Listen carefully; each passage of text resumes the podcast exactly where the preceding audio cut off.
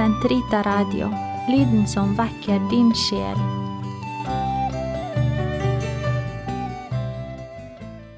Det løsnet en sten i uren. Vi nordmenn er i det store og hele et lovlydig folk. Vi lyder de menneskelige, positive lover som våre myndigheter forordner. Men er vi og våre myndigheter lydhøre også overfor naturloven, som er en avglans av Guds evige lov? Naturloven står ifølge Paulus i Romerbrevets annet kapittel skrevet til våre hjerter og blir mer og mindre klart offentliggjort gjennom samvittigheten. Straks det blir gitt grønt lys for brudd mot en lov som samsvarer med vår menneskelige natur, vårt vesen som mennesker, løsner en sted i uren, og raset følger. Det mest overbevisende eksempel på en slik automatikk er vel aktiv dødshjelp i Holland. Det begynte med leger som tok livet av gamle og syke, og myndigheter som så gjennom fingrene på disse forbrytelsene og tross forbud ga generell straffeunnlatelse. I dag kan en 17-åring uten foreldrenes samtykke kreve å bli tatt livet av, ja endog en 12-åring med foreldrenes samtykke. Fødte barn med et eller annet lyte kan, hvis foreldrene ønsker det, avlives. Det var da denne og andre drapsstatistikker surret i mitt hode at jeg forfattet følgende historie. Fremmedkaren slet seg oppover fjellsiden. Når han løftet blikket, kunne han skimte fjelltoppen, det var dit han ville. Foran ham lå uren. Det var den bygdefolket hadde advart ham mot. Vær forsiktig, ellers kan det løsne et ras, sa de. Fremmedkaren satte seg, tørket svetten av pannen og kikket på uren. Der fikk han øye på en liten, hvitskimrende marmorstein. Den ville han ha. Han rugget den løs. Straks tok det til å risle sand, større steiner fulgte, de veltet med bulder og brak nedover fjellsiden. Så fulgte det store raset som la tre gårder i grus nede i dalen. Lettere skadet, men med livet i behold, stavret han seg ned til bygda. Alle forsto at det var han som var skyld i ulykken. Et hendelig uhell, sa fremmedkaren unnskyldende. Aldri i livet, svarte gammel Ola i Øverbygda. Det er du som er skyldig. Du gjorde det vi forbød deg. Ingen har lov til å løsne småsten i fjellet eller på andre områder i livet. Det blir til ulykke for folk og fe, gård og grunn, sjel og legeme, ja, hele vår kristne kultur. Iskaldt prinsipprytteri, svarte fremmedkaren og snek seg duknakket ut av bygda. Kan så være, mumlet gammel-Ola i skjegget, og allikevel, prinsipper som liv og død, himmel og helvete på jord henger i. Denne beretningen ble meg fortalt av gammel-Ola selv en gang jeg vandret gjennom Haukdalen. Nå kan jeg også huske en annen historie om en sten som løsnet og utløste et ras. Den gang var det i utkanten av en by, men hva byen het og om det var i et protestantisk eller katolsk strøk av Europa, er gått meg av minne. I denne byen lå en gammel mann på sykehus, Oskar het han. Etter en hjerteoperasjon kom han aldri til bevissthet, hjernedød var han ikke. Om han hadde indre bevissthet, se, det visste bare hans kone. Hun besøkte ham hver dag og hevdet at hun hadde kontakt med ham. Legen ga han mat og drikke gjennom en sonde i nesen. Lenge har han nok ikke igjen å leve, tenkte legen og ønsket at det skulle gå fort. Men Oskar var seiglivet og nektet å dø. Uke etter uke ble han liggende med sonden i nesen. Nå får det være nok, sa legen. Avdelingssøster nikket samtykkende, det gjorde også sykehuspresten. De tok kontakt med de pårørende og spurte om de virkelig ønsket at pappa skulle ligge slik og pines i all evighet. Nei, det var det bare hans kone som ønsket. Men da er jo saken greit, sa legen. Ja, her gir nok Vår Herre grønt lys, sa sykehuspresten, han hadde en gang lest noe om passiv dødshjelp. Så trakk de sonden ut av nesen til Oskar. Slik ble han aktivt hjulpet inn i evigheten. Det tok bare tre dager før han sultet og tørstet i hjel. En sten er falt fra mitt hjerte, sa avdelingssøster, eller var det kanskje en anstøtssten som ble fjernet, smilte legen. Måtte i humanitetens navn mange følge etter. Det gikk troll i ord. En liten sten fra menneskeverdets bygning var fjernet, den rullet nedover fjellsiden, rev større stener med seg, utløste et ras som veltet utfor etterstupet og ned i dødsskyggens dal.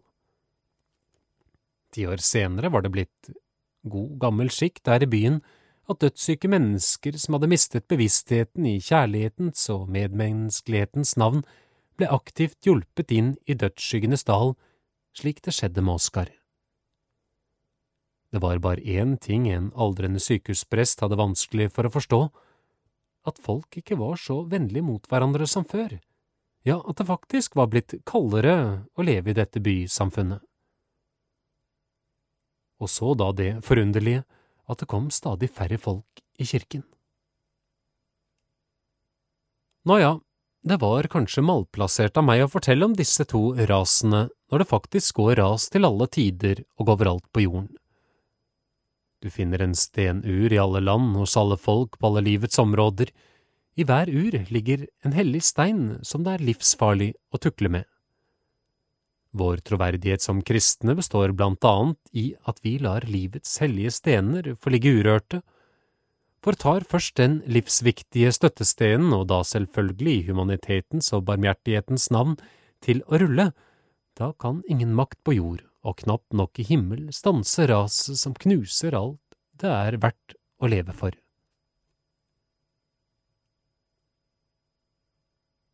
Skjemt og alvor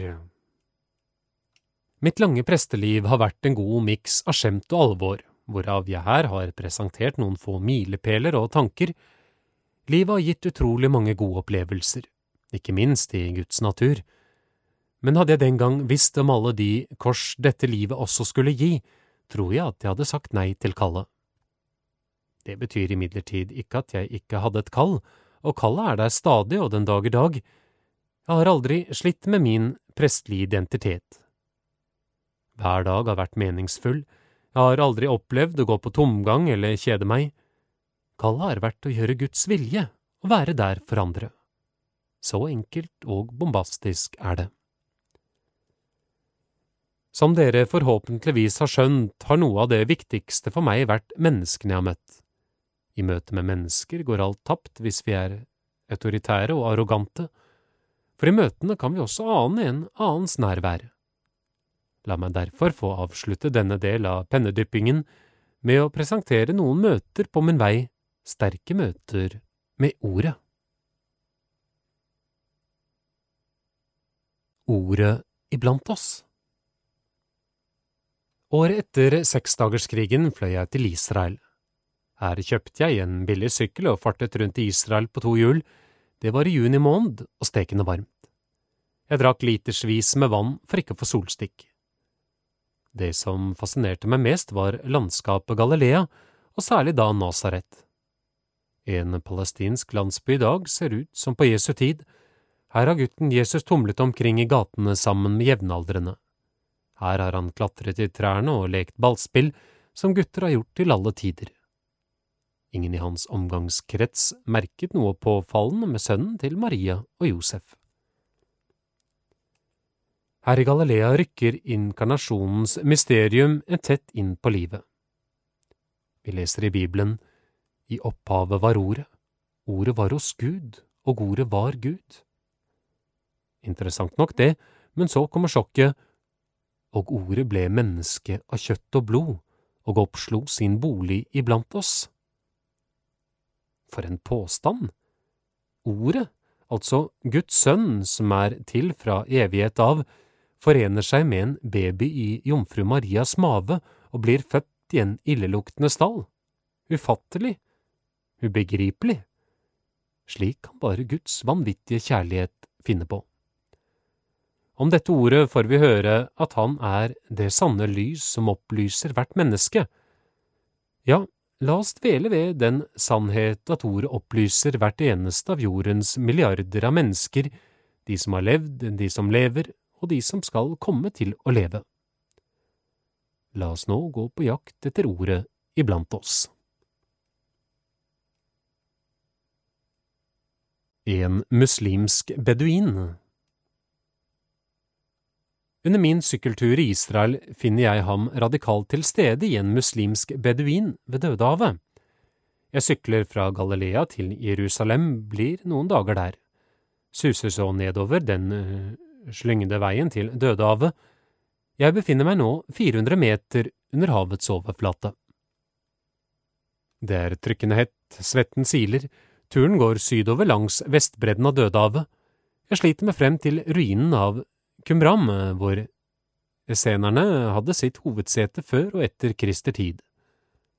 Jeg besøker museet like ved, dagen tar til å helle, det er for sent å sykle tilbake til Jerusalem. Jeg ser meg om etter et sted der jeg kan sette opp teltet. Museumsdirektøren, en hollender, sier jeg kan få sove på det flate taket til bygningen.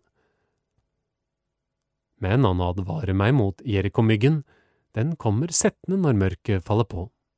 Når den biter, blir det stygge merker på huden, det tar måneder før de forsvinner. Det er sikrest å rulle seg inn i et ullteppe som dekker både kropp og hode. Jeg tenker med gru på natten og heten. Han presenterer meg for en ung beduin. Han skal hjelpe meg til å finne meg til rette på taket. Han er en vennlig kar. Smilende tar han meg med opp på det flate taket.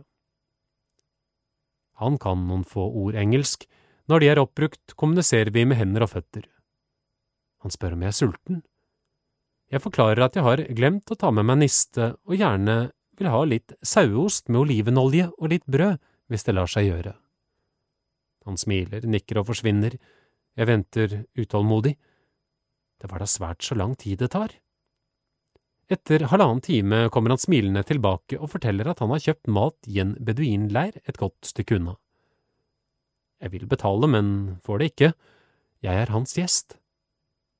Så er det bare å forberede seg til den nattlige tortur. Om knapt en halv time vil mørket stupe ned over Dødehavet og Judeas øde fjell, jeg tar frem ullteppet og gruer meg til en søvnløs natt. Den unge beduinen vinker avvisende, han kommer bort til meg med et digert myggnett som kan trekkes over både kropp og hode. Det er det han selv bruker når han sover. Det skal altså jeg ha i denne natt, for jeg er hans gjest. Selv vikler han seg inn i et ullteppe. Slik vil han ha det. Det er han som skal svette søvnløs i natt, men før han går til ro, skritter han bort til kanten av taket, vender seg mot Mekka og forretter sine muslimske bønner. For meg er ordene ubegripelige, men kroppsspråket desto klarere. I full hengivelse til Allah bøyer han seg gjentatte ganger så pannen berører takets overflate. Jeg skammer meg litt der jeg ligger under myggnettet og søvnlig mumler min aftenbønn, vel beskyttet mot Jerikomyggen som litt senere går til stormangrep. Alle konturer av hus og landskap forsvinner, det eneste som er å se i svarte natten er søkelysene fra israelsk og jordansk bredd. De sveper hvileløst over Dødehavet. Ved daggry våkner jeg av skritt. Min muslimske venn forretter atter sine bønner, vi spiser frokost sammen, snart må jeg ta avskjed. Men før oppbruddet spør jeg en siste gang om jeg ikke kan få lov å betale for meg. Han rister på hodet. Jeg er hans gjest. To mennesker som dyrker den samme Gud på forskjellig vis, har knyttet vennskapsbånd tvers over religiøse skillelinjer. Det var som å ta og føle på at det guddommelige ord levde sitt kjærlighetsliv i denne fattige, men åndelig rike beduin ved Dødehavet.